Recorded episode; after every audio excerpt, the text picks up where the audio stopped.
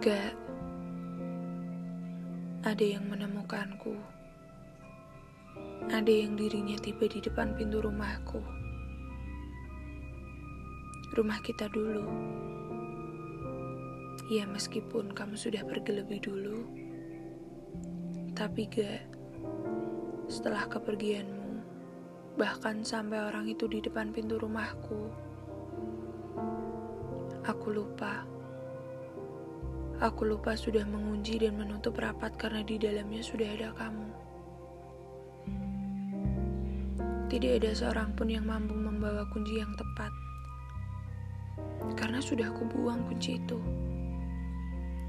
Dan aku juga tidak tahu di mana kuncinya mendarat.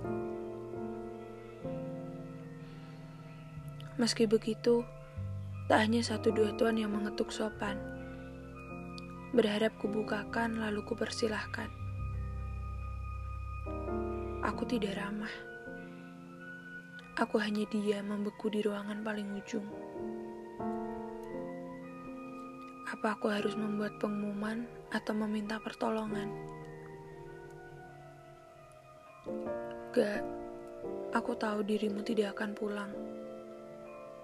Makanya, haruskah aku meminta pertolongan?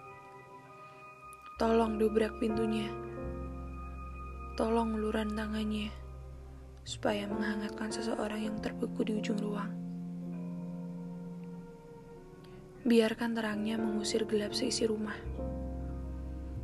Katakan gak, aku harus bagaimana?